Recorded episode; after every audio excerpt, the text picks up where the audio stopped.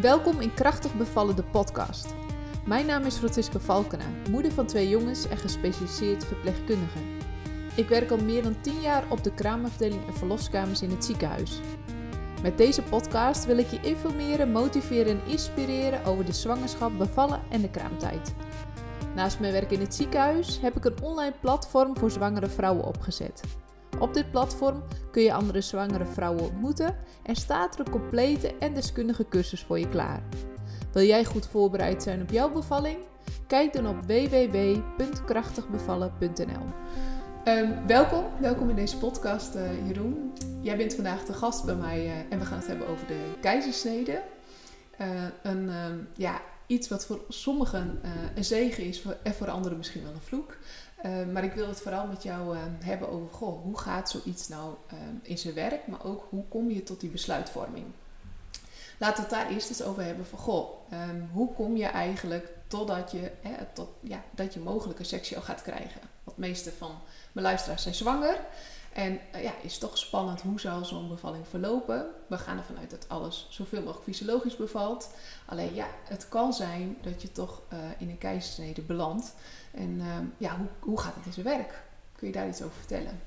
Ja, um, daar kan ik wel iets over vertellen. Over de, je noemt het woord keizersnede. Hè? We hebben het vaak op de werk hebben het over het woord sectio.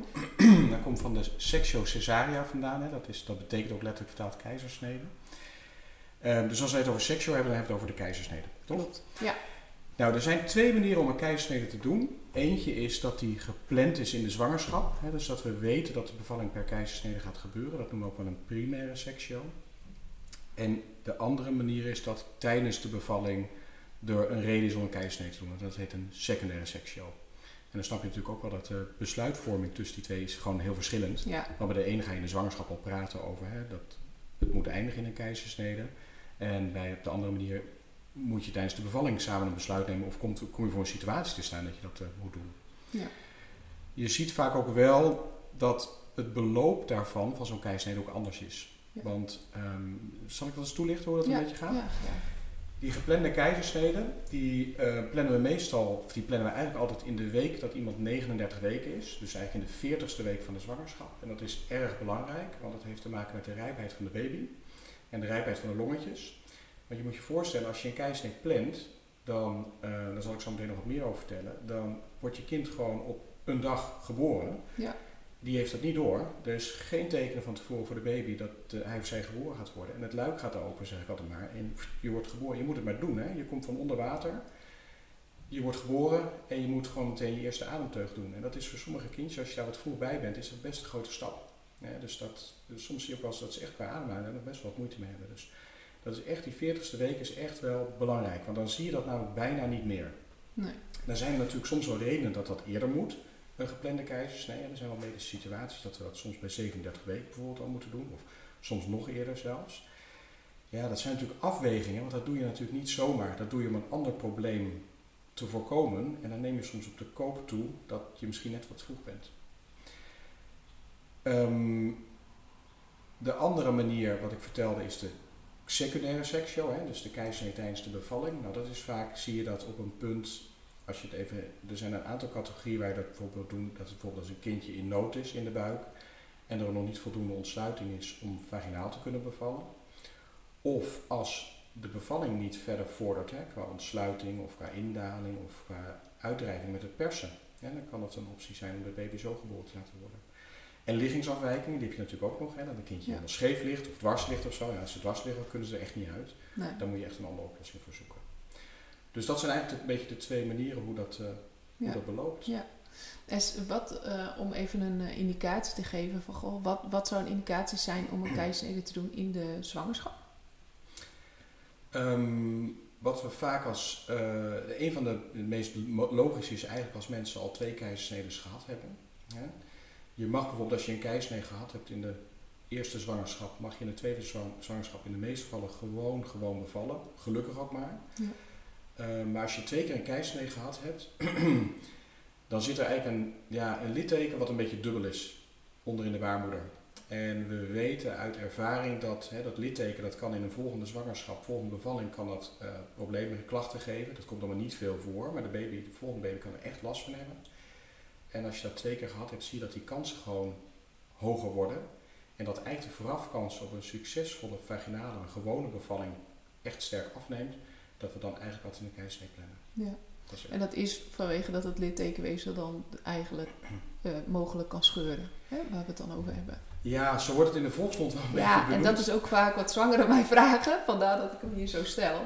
Van uh, wat, wat is dan precies de reden dat ze dan toch weer kiezen uh, voor de keizersnede? Ja. Ja.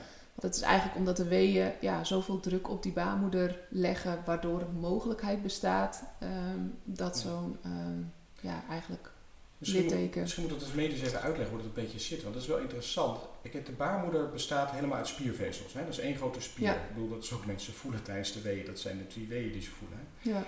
Het onderste deel van de baarmoeder bestaat voor een deel uit spiervezels en voor een deel uit bindweefsel. En als je een keisnee gaat doen, is het het mooiste ook om het daar te doen. Want dat kun je weer zo stevig mogelijk hechten. Ik bedoel, je moet je voorstellen, als je spieren hecht, dat is gewoon, dat, ja, dat, dat, dat wil niet. Hè, ik bedoel, hecht maar eens een, een kipfiletje aan elkaar, zou ik maar zeggen. Dat, dat, dat, dat, die, als je dan trekt, dan trekken die vezels open. Ja. Dat is niet stevig. Terwijl als je een stuk leer en een stuk leer aan elkaar hecht, dat zit stevig vast. Daarom doen we die keisnee dus altijd in het onderste deel waar de meeste bindweefsel zit. Maar toch dan is dat een zwakkere plek. En wat je dan ziet gebeuren, en we weten dat niet helemaal precies, is dat. Nee, ik moet even anders uitleggen. Als je gaat bevallen, wordt dat onderste deel waar dat litteken zit, of waar geen litteken zit als je nooit de keizersnee hebt gehad, dat wordt dunner. Dat hoort zo. Dat wordt altijd dunner. Dat rekt helemaal uit. En dat trekt zich als het ware over het hoofd van je kind heen. En zo wordt je kind, zullen we zeggen, de vagina ingedreven en uiteindelijk geboren. Ja. Als daar een litteken zit, dan denken we dat dat toch nog wat dunner is, nog wat kwetsbaarder is. En op een of andere manier kan de baby daarop reageren.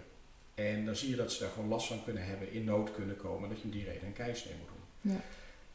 Wat we heel af en toe zien, en dat zijn echte extremere situaties, is dat dat open gaat. En dat we zien dat dat zo dun is dat er bijna niks meer zit. Of nog extremer, dat een kind daardoor misschien wel uh, al een beetje door naar buiten komt in de buikholte richting die kant op. En dat is, dat is natuurlijk hoe we in de volksmond spreken van dat scheurt open. Ja. Dat, dat is, dat is iets genuanceerder. Het ligt veel genuanceerder. Maar wat we zien in een volgende bevalling. En daarom is, die, is het ook belangrijk dat de mensen de volgende bevalling naar een keizersnee, dat, we, uh, dat dat in het ziekenhuis is, omdat je dan wil zien van joh, hoe voelt de baby zich. Ja. Dat je niet om de paar uur of om het half uur even luistert van hoe, hoe zijn harttonen van de baby, maar dat je een hartfilmpje ligt. Want een hartfilmpje kun je terugkijken en kun je vergelijken van uur tot uur. En zeggen van hé, hey, zien we een verandering of niet? Ja. En een kindje mag best wel af en toe wat afwijkende hartslag hebben. Dat, hebben wij ook af en toe misschien wel. Ja. En met ons gaat het ook goed.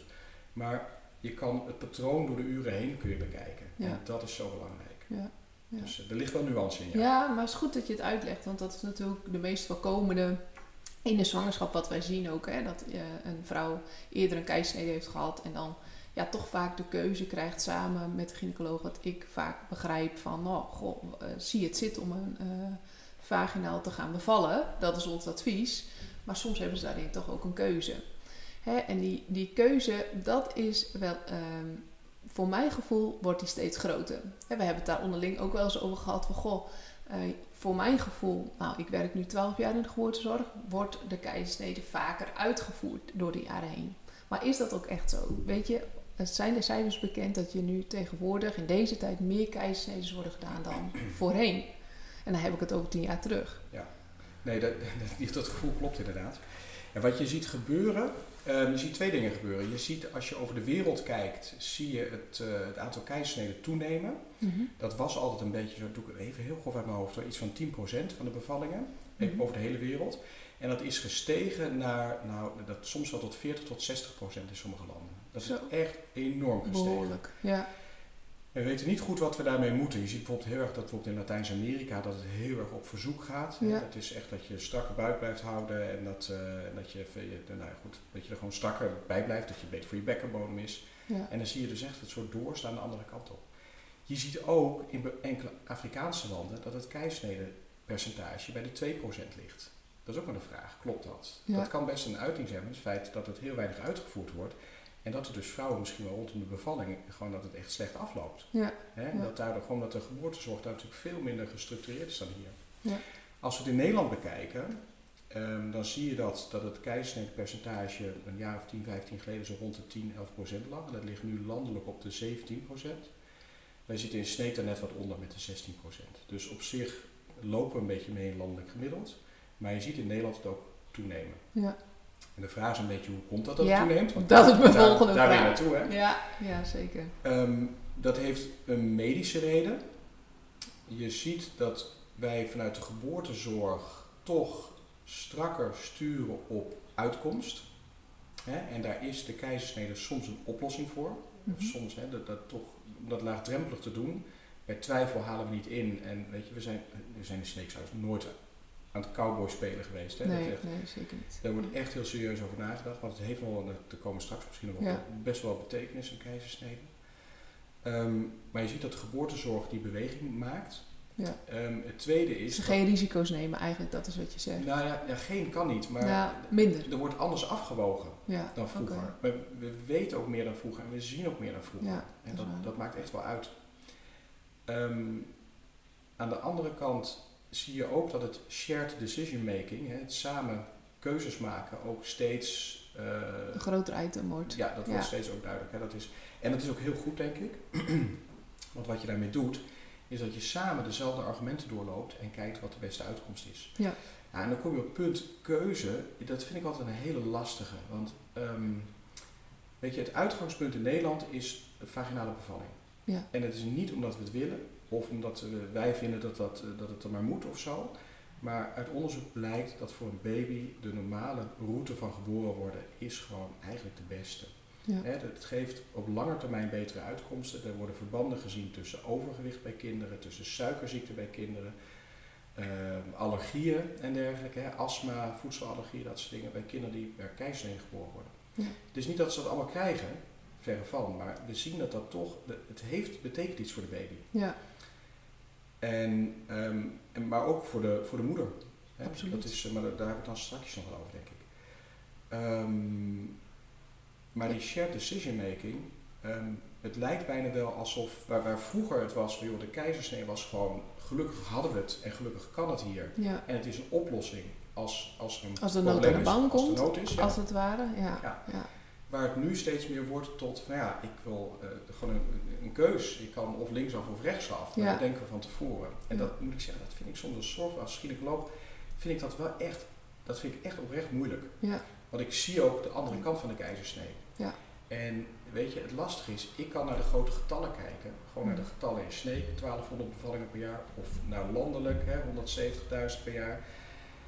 Maar voor de mensen die het betreft, gaat het om hun. ja, gaat het Dat om gaat om één. Ja. En dat is hun zo zwangerschap, hun moeilijk. lijf. Ja. En wat je tegenwoordig wel wat meer, waar gelukkig meer over gesproken wordt, is dat toch zorg of angst een grote rol speelt. Ja. En of angst een goede raadgever is, ik weet het niet altijd. Nee. En ik denk dat het heel belangrijk is voor onze zorgverlener om samen uit te zoeken waar, waar komt, hè, als angst een rol speelt of zorgen, waar komt dat vandaan? Ja. Hè?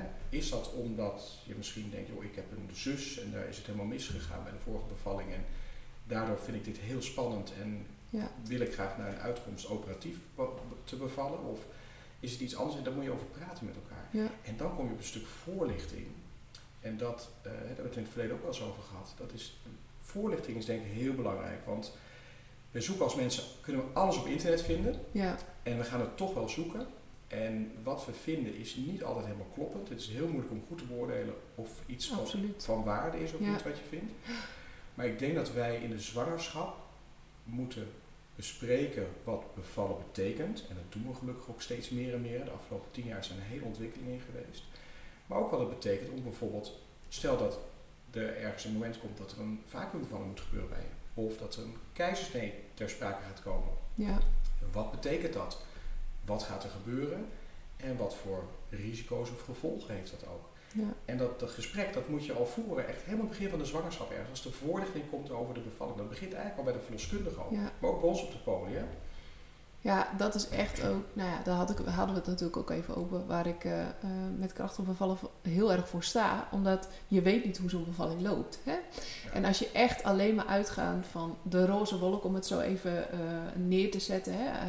Van nou, alles gaat eh, eh, thuis en alles eh, komt goed. En dat is echt een hele goede insteek. Alleen wat als het anders loopt, is het goed om te beseffen, goh, er zijn mogelijkheden.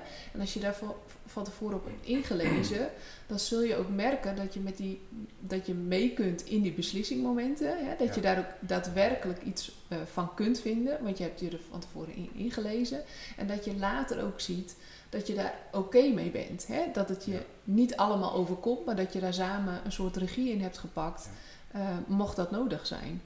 Ja, en dat, ik denk dat dat, ehm, dat een heel goed advies is om sowieso te doen, om je daar goed in over te laten voorlichten. Niet alleen over het fysiologische deel en alleen over de vaginale bevalling, maar ook wat als het eventueel anders gaat, Ja. ehm, daarover in te Precies. lichten. Dat is, weet je, ik, het, het, ehm, want alleen, het gaat niet alleen over het fysiologische deel, het gaat eigenlijk over het hele proces wat je Ja. ingaat. Hè? Ja, het Hetzelfde als je straks een kind hebt, wat betekent om een kind te hebben? Ja, Hè, hoe ga je daarmee om? Wat moet je luisteren, schonen, of, eh, borstvoeding geven?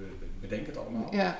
ja. Het, het is voorlichting over de hele breedte. En je hoeft niet alle ins en outs te weten, denk ik. Nee. Maar het is denk ik goed om te weten wat er speelt. Want, weet je, als je, die kun je ook voor kiezen. Hè? Dat je erop aan laat komen dat je zegt, joh, ik zie het wel tijdens de bevalling. Ja. Als je op vakantie gaat, doe je hetzelfde, hè?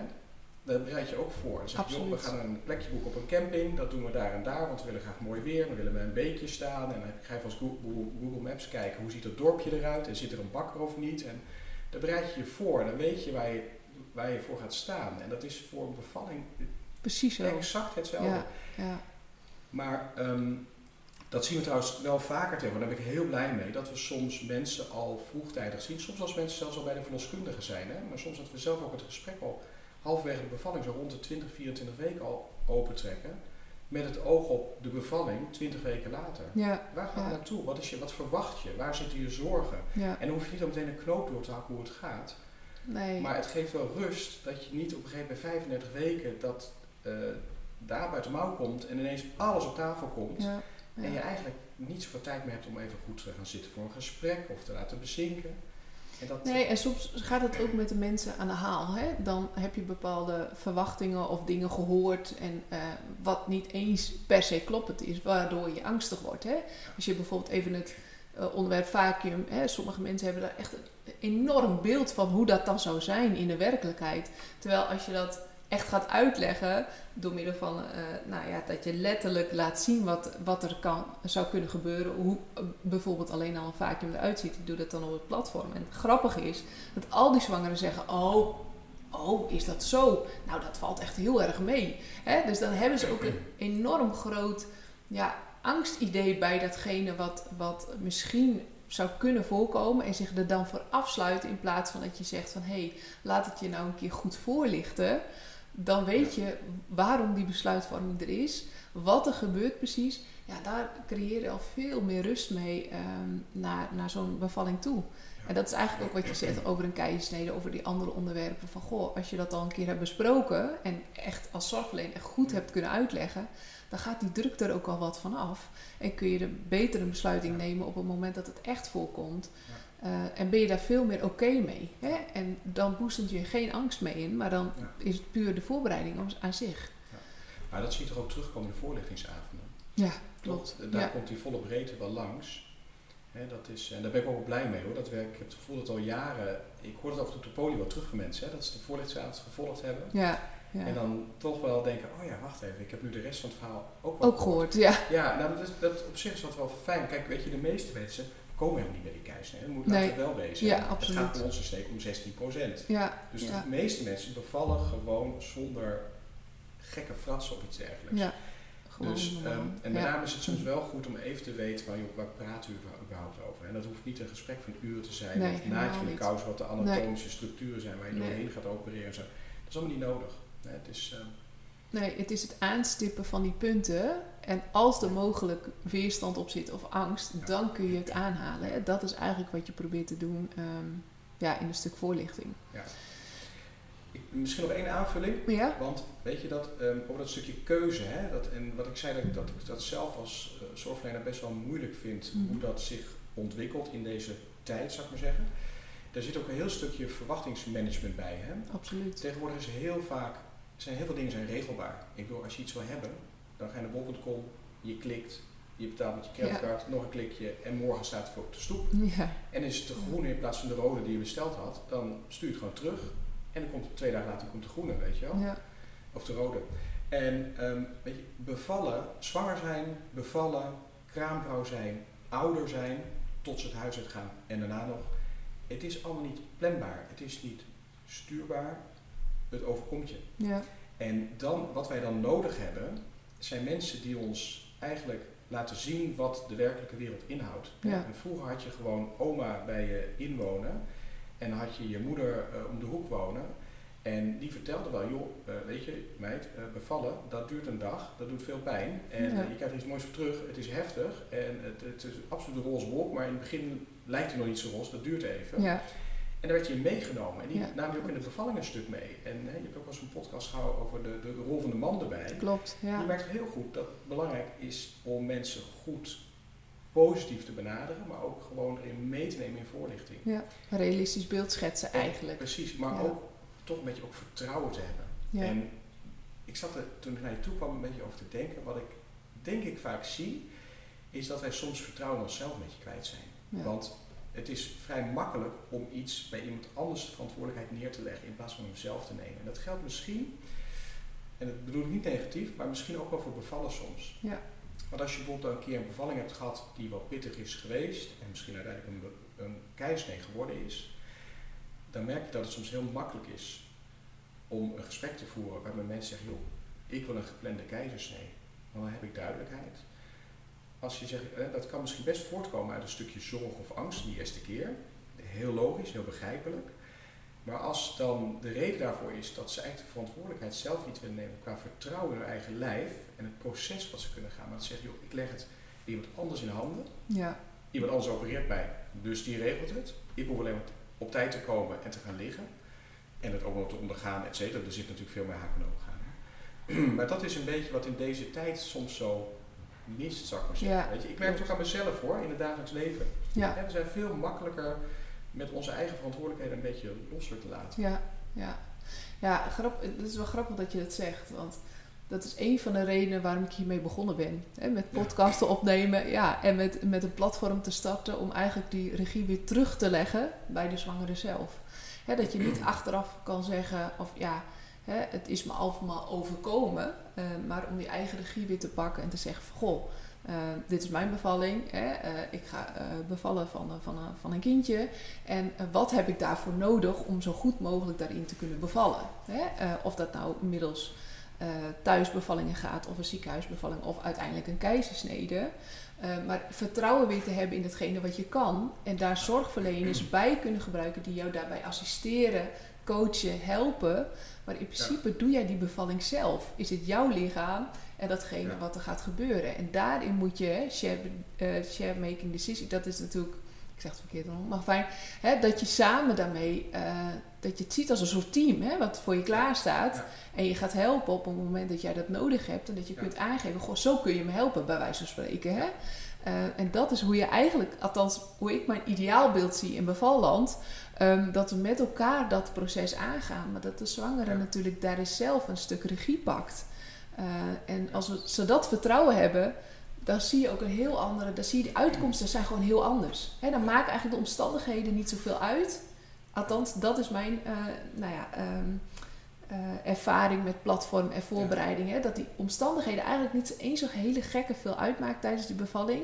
Maar dat ze er heel anders op terugkijken. Ja. Omdat ze zelf weten van, hé, hey, die regie heb ik gepakt. Die beslissing hebben we met elkaar als team genomen. En daar sta ik achter. En dat geeft een fijne uitkomst. En niet zozeer dat je een prachtige roze wierookbevalling hebt gehad, bij wijze van spreken, hoewel dat ook prachtig kan zijn.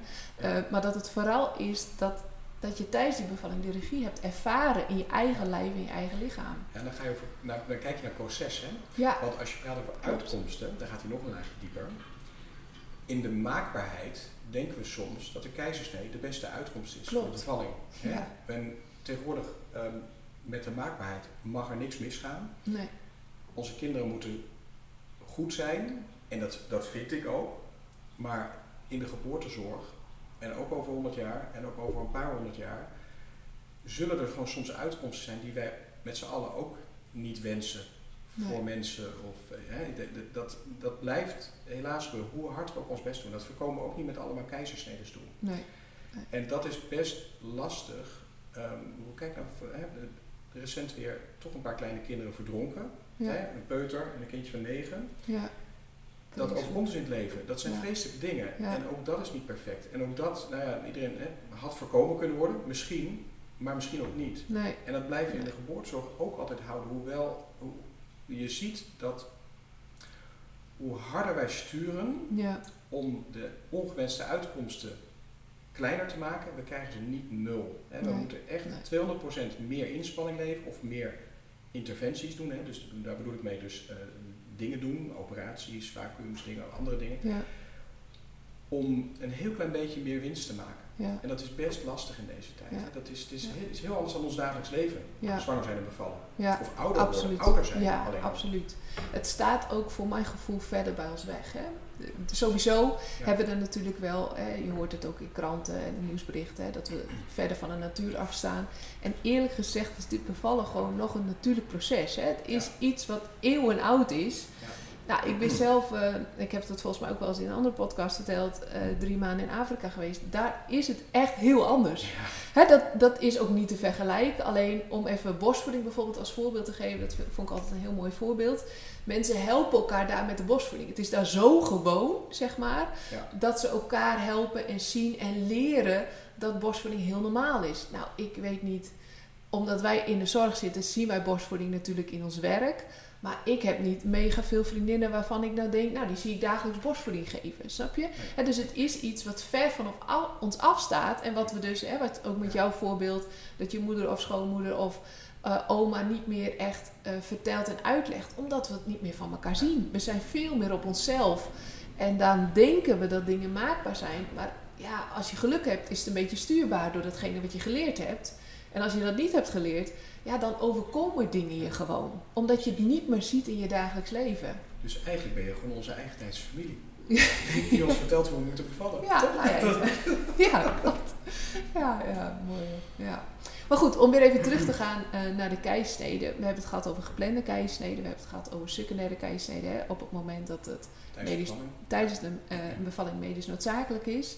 Daarin wil ik nog een uitstapje maken. En dat is natuurlijk een paar jaar geleden heel erg in aan de orde geweest um, in de media. De MEC-sectio. Ja.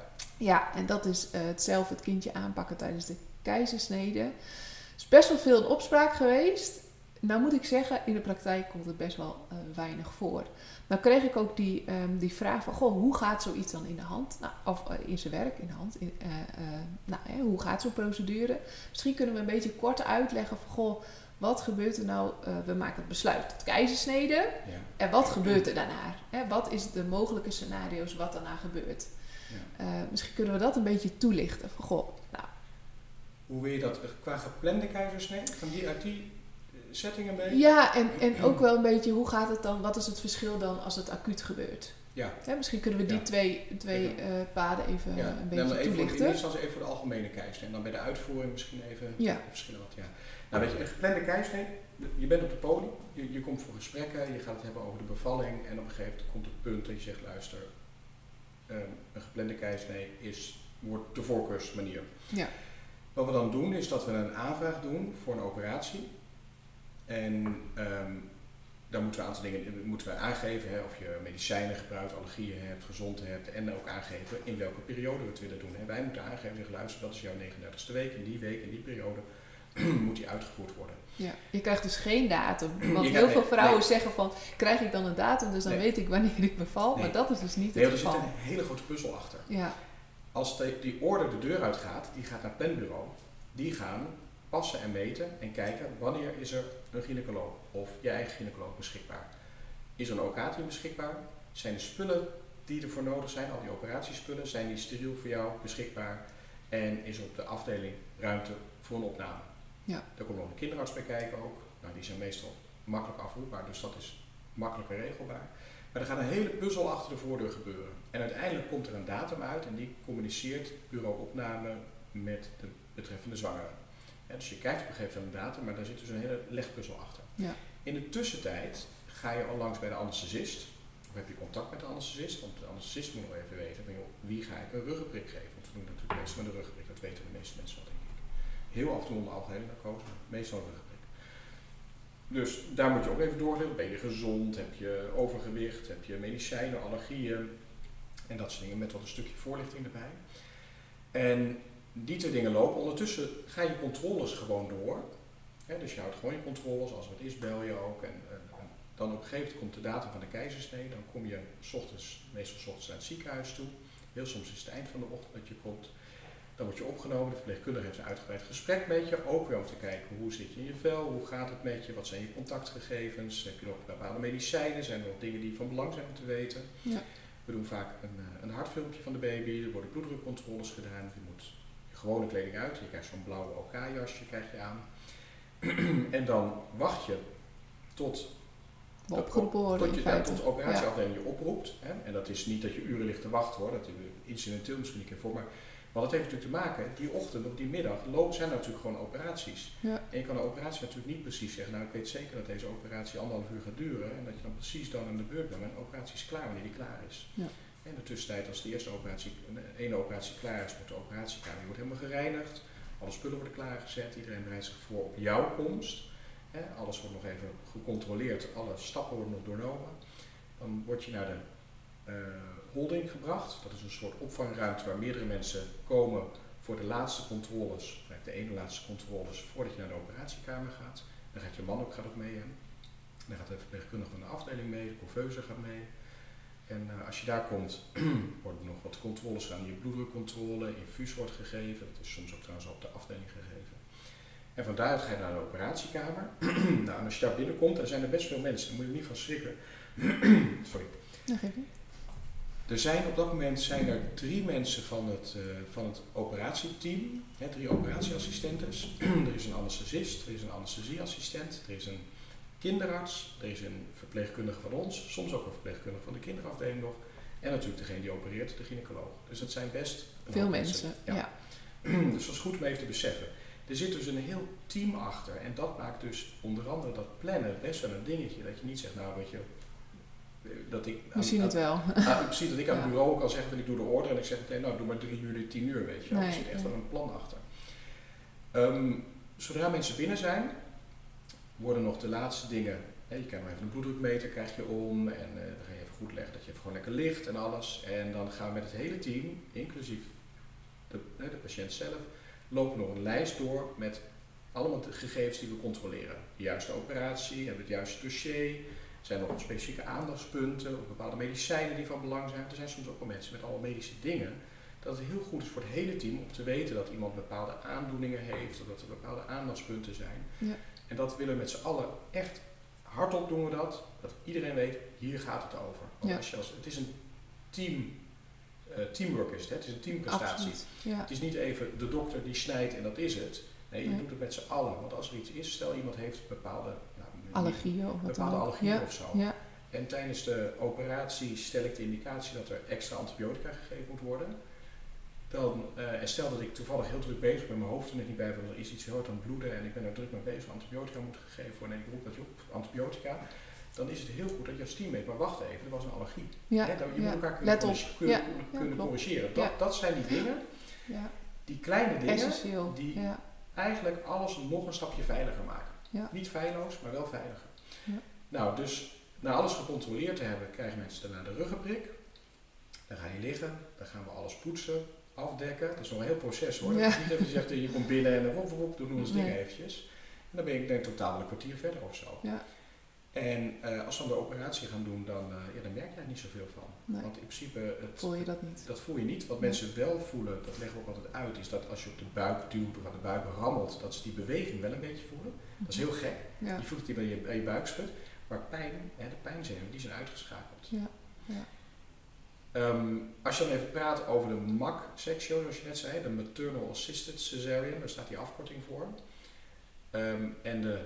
Uh, de, de keizersnede, als we gewoon de keizersnede noemen.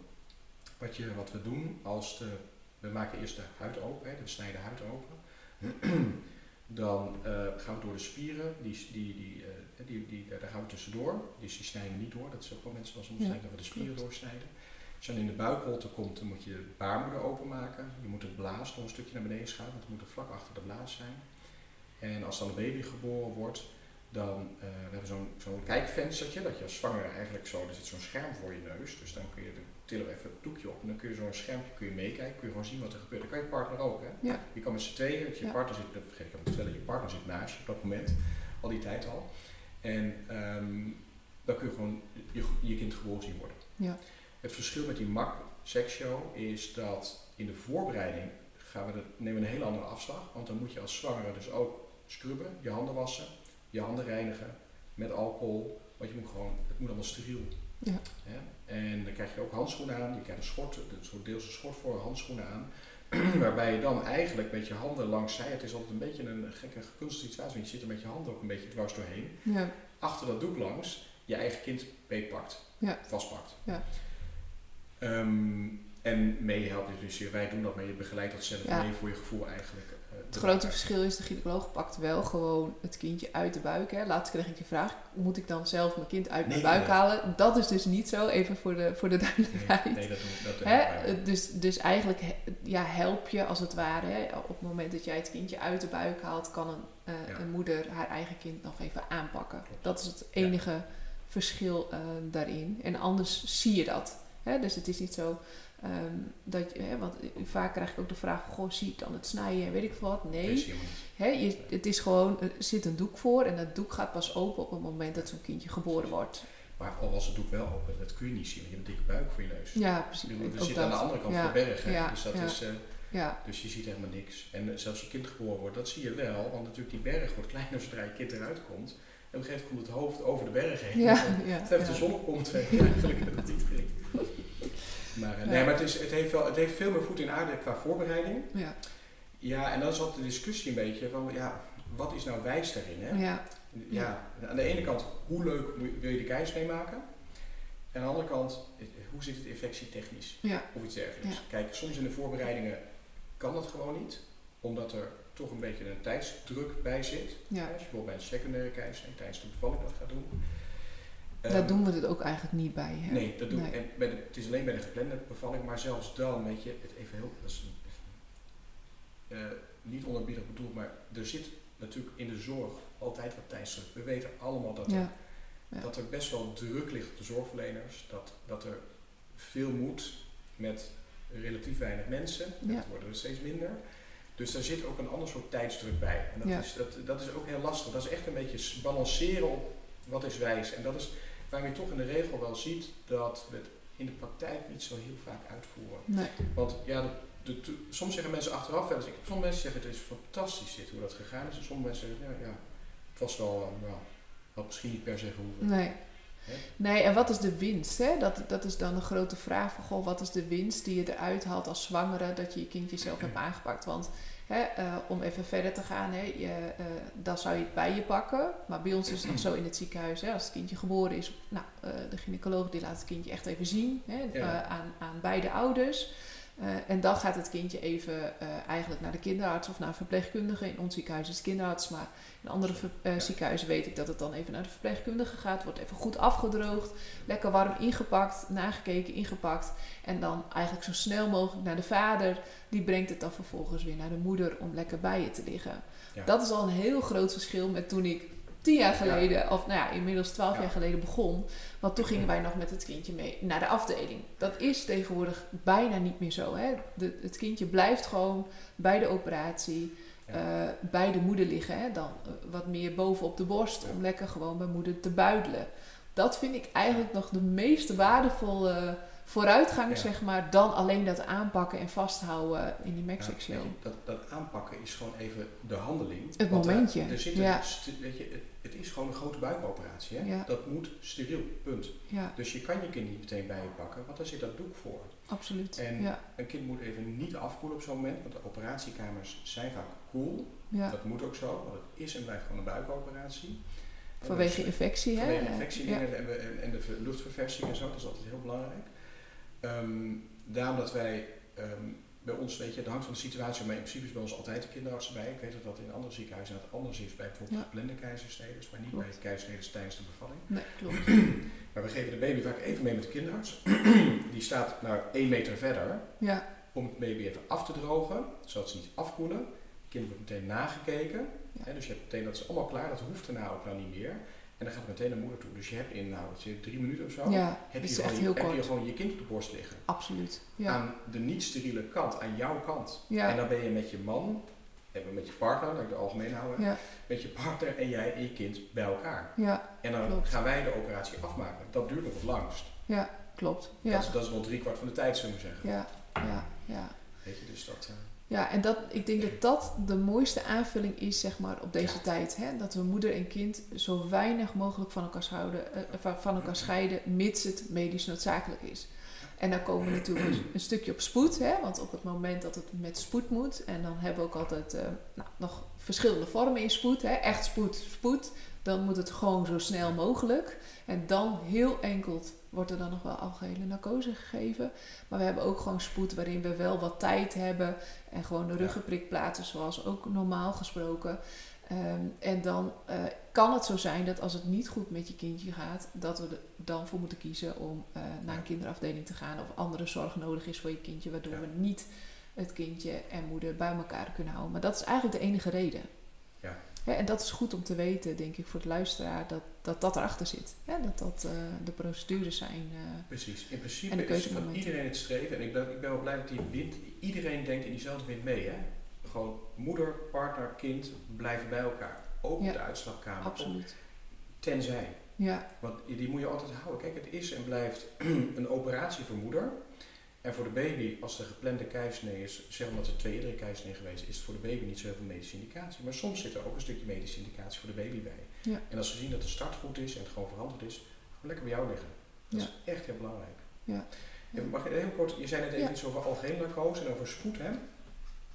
Ik merk soms dat de term spoedkeizersnee heel, heel makkelijk gebruikt wordt voor die secundaire keizersnee. ja, hè? ja, Dat is, eh, voor ons als dokters is spoed is echt een bedbeet pakken en heel hard naar beneden rennen. Ja. En voep, niet Zo veel tijd snel voor overleg, nee, kort, korte, kordate uitleg.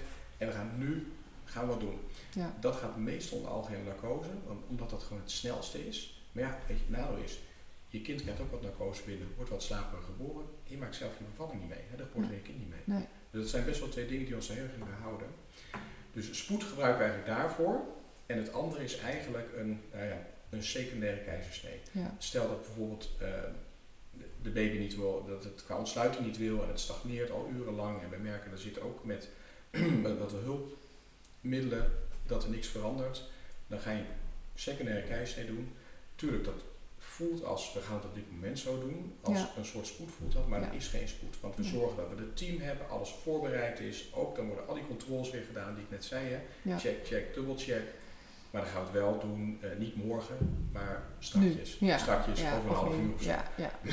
Ja, ja. Dat doen wij geen spoedkeizers. Nee. En die spoedkeizersnee wordt echt heel weinig uitgevoerd, hè? Bijna niet. Nee, dus Nee. dat is ook goed om te stellen, denk ik, eh, en te beseffen dat die, dat, dat, dat spoed-spoed bijna nooit, nou ja, Precies. En dat komt ook voort uit de, nou ja, de veranderingen van de laatste tientallen jaren in hoe we de geboortezorg hebben ingeregeld. ja, Want natuurlijk, er kan ons altijd iets acuuts overkomen. Je kan ook acuut een hartaanval krijgen. En Ja. daar kun je niet voor zijn, zal ik maar zeggen. nee, nee, En je kan ook in, tijdens de bevalling iets acuuts dat er gebeurt net je zo moet. En dan kom je op die algehele narcose. We hebben heel af en toe ook nog wel eens, hè, dat weet je ook wel, dat met een geplande keizersnee of een secundaire keizersnee, dat het toch nog te pijnlijk is voor iemand. Dat de ruggenprik niet voldoende werkt. Nee. De meeste mensen, dat zei ik net ook, hè, voelen de pijn als je opereert niet. Maar je voelt wel schudden aan je buik, of mensen een beetje duwen. Of als de baby, hè, als, als de baby eruit moet komen, moeten we even een W maken, dan duwen we even op de buik. ja, Dat de baby het hoofdje plop zegt en komt. Ehm, dat merken mensen, dat doet geen pijn verder. Maar heel soms voelen mensen toch wel dat het nog wat gevoelig kan zijn. En wat dan zo heel bijzonder is, dat, is, dat blijkt wat heel magisch vinden.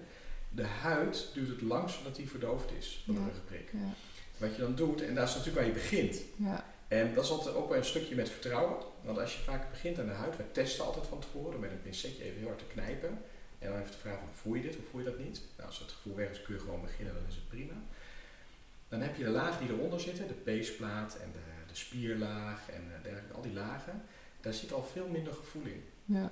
Maar soms zijn er wel eens momenten dat mensen nog kunnen zeggen, oh ik heb even een, een rottig, venijnig gevoel eventjes. En dan is dat over. Het is ook goed om even te beseffen dat je dus wel af en toe iets kan voelen. Ja. Als dat echt too much is, en dat gaat natuurlijk ook over in overleg, hebben we heel, nou ik denk twee keer per jaar of zo Ja, misschien, max. Ja. De situatie dat iemand tijdens de keizersnede, na het zetten van de rugprik, we toch merken van het is gewoon te gevoelig en het trekt ook niet bijna even geduld te hebben, dat mensen gaan slapen. Ja.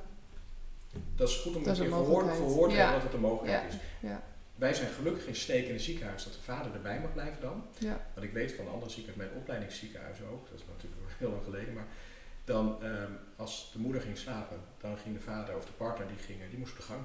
Ja. Ja. Want dat was toch wel heel heftig om je partner te zien met aan de beademing en zo. Ja. Terwijl tegenwoordig met al de ziekenhuisseries op televisie en de IC-dingen, en zeker na corona, Ja. hè, is dat iets wat we als mens ook zien, dat dat bestaat en er is. En, hè, dat is natuurlijk, het is gek om te zien, maar eh, het is ook goed om het te weten. Het is, het is een proces wat je samen doorloopt. Ja. Ja. En je kan als partner wel de, dat stukje wat je dan als vrouw niet meemaakt, wel invullen. Dat je kan vertellen wat er is gebeurd, hoe is het gegaan. Er worden ook foto's gemaakt natuurlijk. Hè, dus Ja. Dat- tijdens de keizersnede worden Ja. inderdaad foto's gemaakt. Dat is goed om, eh, om nog te zeggen. Ehm, ja, en de verpleegkundige begeleidt de pater gedurende het proces. Hè? Ja. Het is niet zo dat de pater aan het lot wordt overgelagerd. Nee, hè, jij zit bij je vrouw eigenlijk. Je kunt gewoon communiceren met je vrouw. Ja. En je kind geboren zien worden. En dat is eigenlijk het mooie, vind ik. Hè, dat, dat die mogelijkheid er is op een moment eh, ja, dat je toch voor een keizersnede... wat je misschien nou, niet als eh, doel voor ogen had... maar wat dan soms gebeurt, op je pad komt... En dat toch op die manier je samen je kind ziet, eh, geboren zien, eh, ziet worden, zeg maar. Ehm, nou, ik denk dat het heel mooi dat we zo uitgebreid over de, de keizersnede konden hebben. Ook hè, het, ehm, ja, de indicatiestelling, maar ook van goh, hoe gaat zoiets nog in zijn werk. Dan hebben we nog een stukje, en dat is het laatste denk ik, en dat is natuurlijk het herstel. Je zei al heel goed van goh, het is echt wel een grote eh, buikoperatie. Ehm, dat moeten mensen ook echt wel beseffen. Hè? Dat het een grote buikoperatie en dat je daar herstel van hebt. ja, en gevolgen. En gevolgen. Hè? Heel ja, belangrijk. zeker. En het, het, het mooie vind ik wel dat, nou ja, nu door die twaalf jaar heen, dat ik zie dat het herstel echt steeds sneller gaat. Ja, waar ligt dat aan? Geen idee. Ik denk dat we toch eh, steeds beter kunnen inspelen op wat goed is voor de patiënten. Eh, maar zelf ook kunnen zeggen van, goh, hè, voorheen dachten we nog dat mobiliseren niet per se goed was. Hè, dat je vooral stil moest gaan liggen, dat je uit moest rusten. Maar nu zien we eigenlijk dat mobiliseren juist een hele gunstige factor is. Kun je hier iets over vertellen, over het herstel eh, na een eh, keizersnede? Ja, zeker. Ehm, kijk, je gaat natuurlijk naar de kamerafdeling, hè? Met z'n drieën. Ja, Daar hebben we een kamer met z'n drieën. Als je kijkt naar grote chirurgische ingrepen, zien we de laatste jaren, en dat is echt allemaal gebaseerd op wetenschap, dat mensen, als je mensen vlot helpt te mobiliseren, dus weer rond te lopen, helpt. Ja, de katheter op tijd uithaalt, dan moet je ook naar de wc toe. Infuus afkoppelt, dan moet je ook gaan drinken.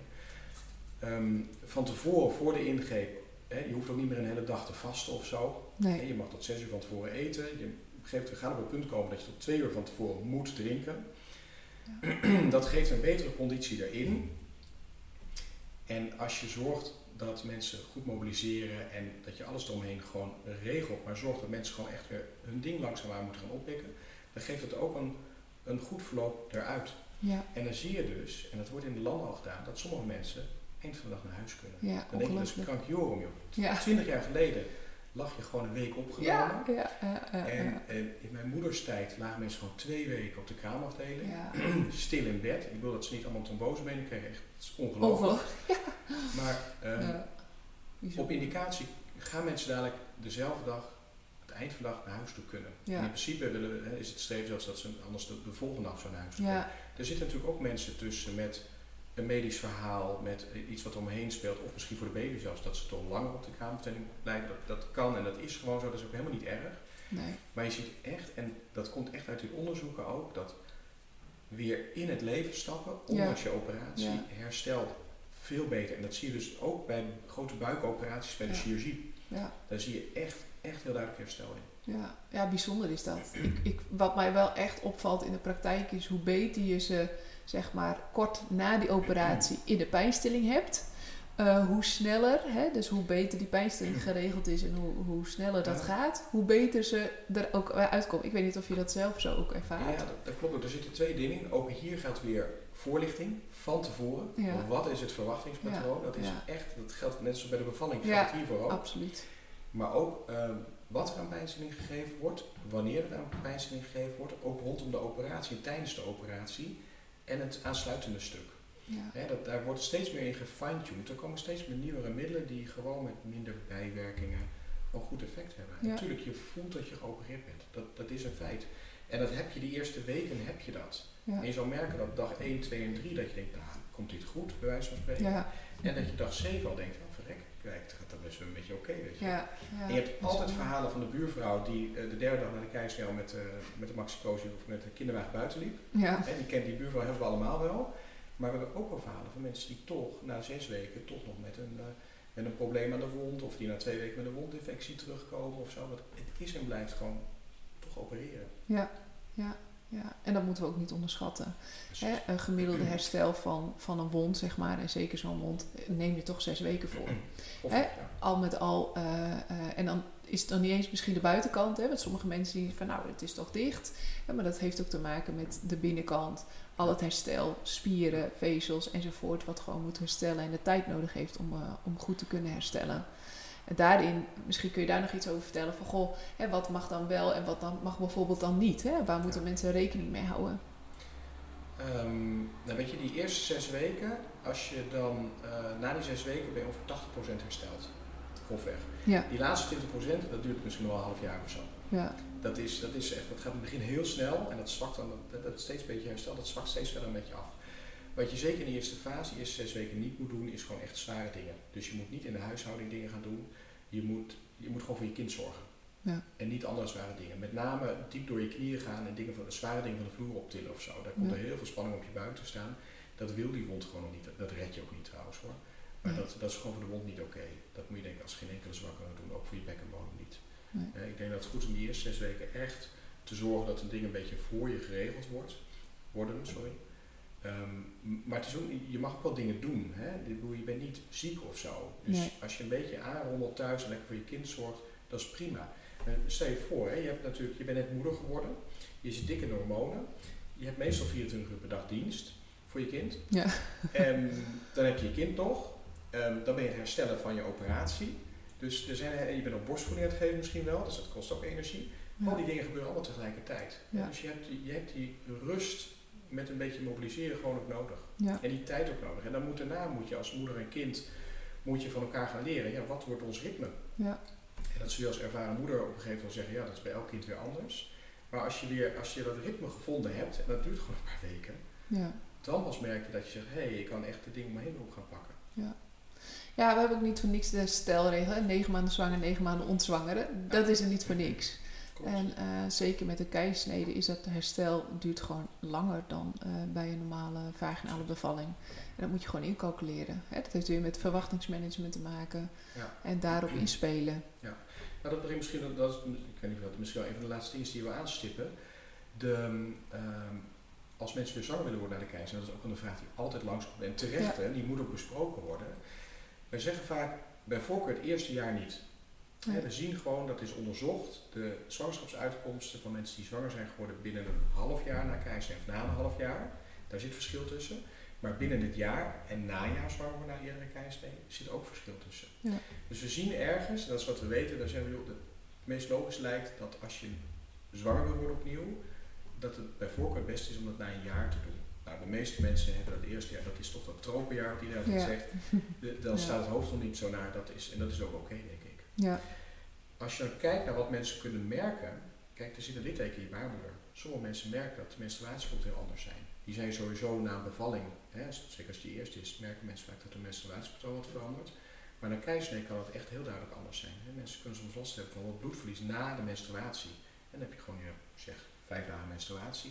En dan komt er soms nog, als dat over is, nog een paar dagen bloedverlies achteraan. oké. Ja, Postmenstrueel bloedverlies heet dat.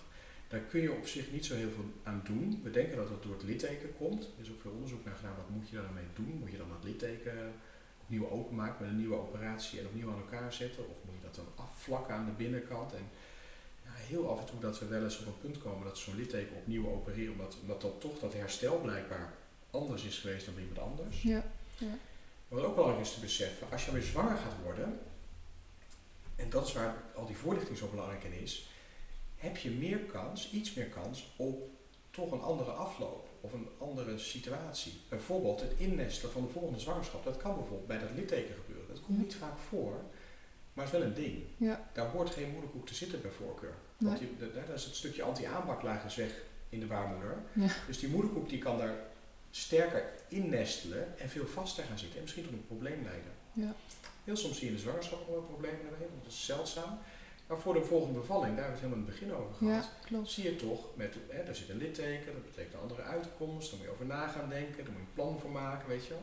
Ja, Dus het heeft op heel veel fronten heeft het wel eh, consequenties. ja, En wat we soms ook nog zien, ik had laatst iemand die moest opereren. Die had een, daar ging de baarmoeder weg opereren omdat ze met menstruatie en vleesbomen, die was al ver voorbij de kinderkrijgleeftijd. ja, Maar die had drie keisneden gehad.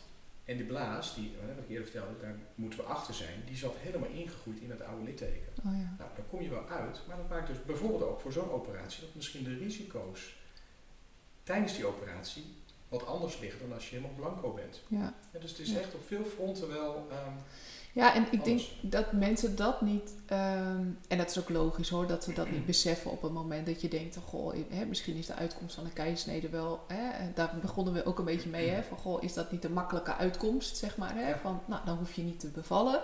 Ehm, maar eigenlijk, hè, daar hebben we het ook niet echt nog over gehad, misschien kunnen we dat nog, ja, er zitten risico's aan zo'n keizersnede.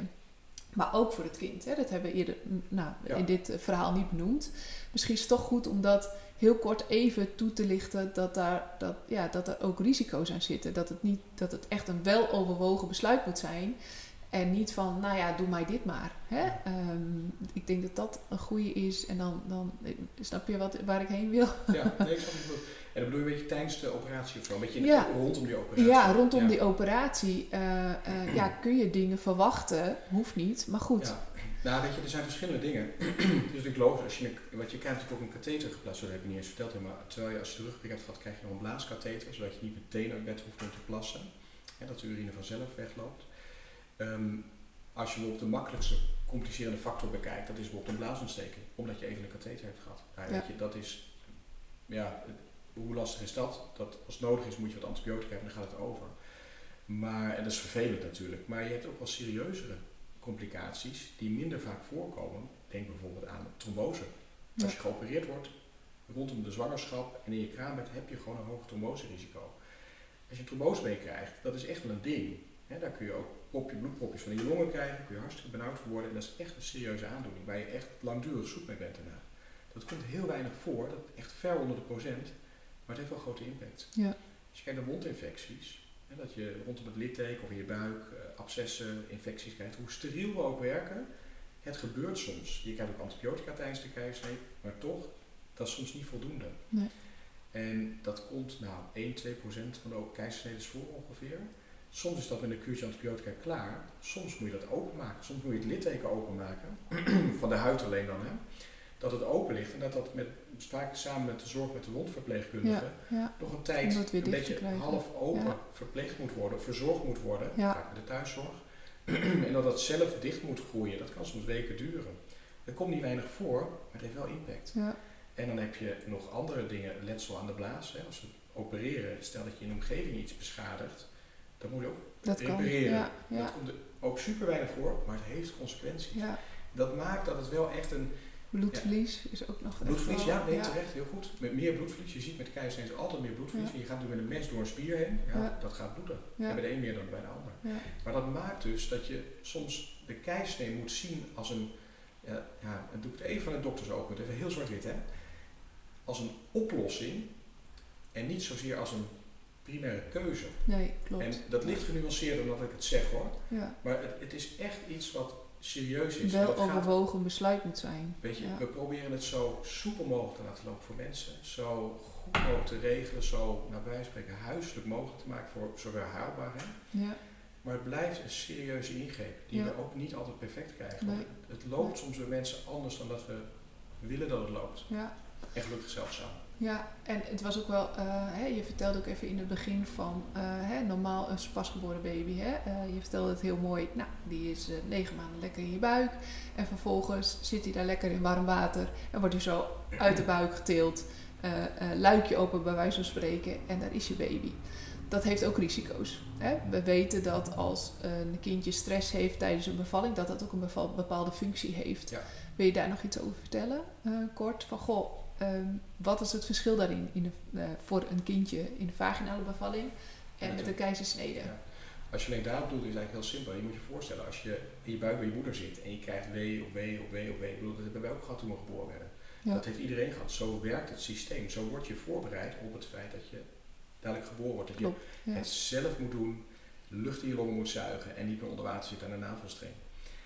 Die stress, het is heel goed dat je het zo zegt, die stress, dat is een goede stress, die heb je Die nodig. nodig, Dat ja. Absoluut. Dat, Ja.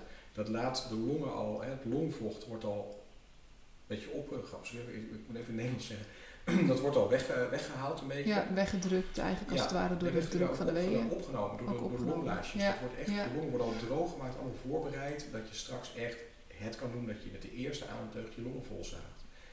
Als je een geplande keizersnede doet, gaat het luik open. En weet je, de meeste kinderen, dan is dat ook prima. Maar ze moeten die overstap even heel snel maken. Ja, ja, En dat komt vaak ook wel goed. Maar soms zie je toch dat je denkt, die heeft net nog even een beetje extra zuurstof bij de kinderarts nodig. Want die heeft net even, ja. mist die stap net.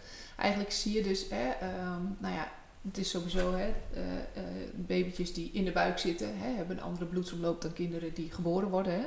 Die longen doen namelijk niet mee. Hè. Wij hebben als mensen een grote bloedsomloop en een kleine bloed- bloedsomloop, even heel zwart-wit uitgelegd. En die kleine bloedsomloop hè, naar de longen, die wordt vast geactiveerd op het moment dat het kind wordt geboren. Ja, dat krijg je dan, als het ware, moet dat die switch heel snel zijn op het moment dat zo'n keizersnede intreedt. En dat is ook een reden waarom nou, wij ervoor kiezen in ons ziekenhuis dat de kinderarts daarbij aanwezig is. Dat als er complicaties optreden daarin, dat zo'n kinderarts heel snel kan ingrijpen en we zo'n kindje op gang kunnen helpen. Eigenlijk dat is eh, eh, wat, wij, eh, wat we dan doen tijdens zo'n uh, tijdens zo'n keizersnede. En dus dat, wat die vraag krijg ik namelijk best wel regelmatig van, goh, hè, wat is het risico van, voor een kindje dan op het moment dat er een keizersnede is? Nou ja, dat, dit is een van de grootste eh, risico's daarin. Ja, die- dat risico is echt klein hoor. Het kan best zijn dat we in de toekomst toch ook wel zeggen, weet je, we hebben de, de, bijvoorbeeld de verpleegkundige daarbij, kijk, de anesthesist is Ja, ook nog, hè. we zijn absoluut. meer We zorgverlener hebben een goed team. Ja, Kijk, als er twijfel is over de conditie van de baby bij de keizer, is er altijd een kinderarts bij. Ja. Het kan zijn dat we in de toekomst. We hebben het in het verleden wel eens over gehad, hè. moeten we daar niet Ja. kijken of we dat beter kunnen doen. Kijk, een kinderarts die zit ook niet achter een bureau te wachten van, oh, er komt zo'n keizer, laat ik daar eens rustig heen gaan. Hè. Die hebben ook gewoon spreekuren voor met, eh, met, met, met kinderen die gezien moeten worden en op de neonatologie en op de eerste hulp. En, Ja. Dus daar moet je, je moet, op alle fronten moeten we zorgen dat we de zorg goed regelen voor iedereen. En dan komt natuurlijk dat de huidige schaarste vraagstuk natuurlijk om de hoek kijken. hè. Dat is best complex. Ja, Dat, ja. eh, Maar ik moet zeggen, weet je, ik ben wel heel trots op hoe we het hier geregeld hebben. Ja, ik, had, ik had vannacht, ik vertelde vannacht dienst. Ja, Vannacht later op een. En dan merk je gewoon dat er, er, er komen allemaal mensen die komen uit hun bed. Die staan daar gewoon, die doen hun ding. En ik zat met die vader, want toen moest de rugprik geprikt worden. En, eh, dus ik had even een minuutje even niks, moest ik even wachten natuurlijk. Dus ik zat met die vader even te praten. En eh, ik zei, het is wel mooi, zo'n geoliede machine. En zat even te kijken, ja, het gaat eigenlijk wel heel soepeltje. Er stonden gewoon acht mensen ja hun ding naast elkaar hun ding te doen, maar ja. naast elkaar met elkaar. Ja, dat is zo te prachtig. Ja, En dan denk ik, ja. weet je, dat is ook hoe het moet. En natuurlijk, er zit een medisch randje aan. Er zit, het is, weet je, opereren is spannend. En het zijn mensen die allemaal even aan je zitten op dat moment. Maar het is wel heel warm hier. En iedereen streeft hetzelfde doel naar. Dat, nou, dan ik denk, nou, soms denk ik, nou, dat is wel heel mooi om te zien. Ik Ja. trots een beetje. Ja, hebben we in Nederland gewoon goed geregeld. Hè, dit Het is is ja, goed geregeld. Ja. hebben goede gezondheidszorg hier. Ja, ja. En ik denk dat dat een hele mooie afsluiter is. Ja. Eh, ja, toch? Dat het, eh, ja, ik eh, bedank voor dat je zo duidelijke uitleg hebt gegeven over dit, over dit onderwerp. Deze podcast dient als inspiratie en voorbereiding op jouw zwangerschap en bevalling. De informatie die gegeven wordt kan handig zijn voor jou, maar het kan niet worden gezien als een medisch advies. Voor meer informatie over hoe jij je het beste kunt voorbereiden op jouw bevalling, ga dan naar www.krachtigbevallen.nl. Het online platform voor zwangere vrouwen.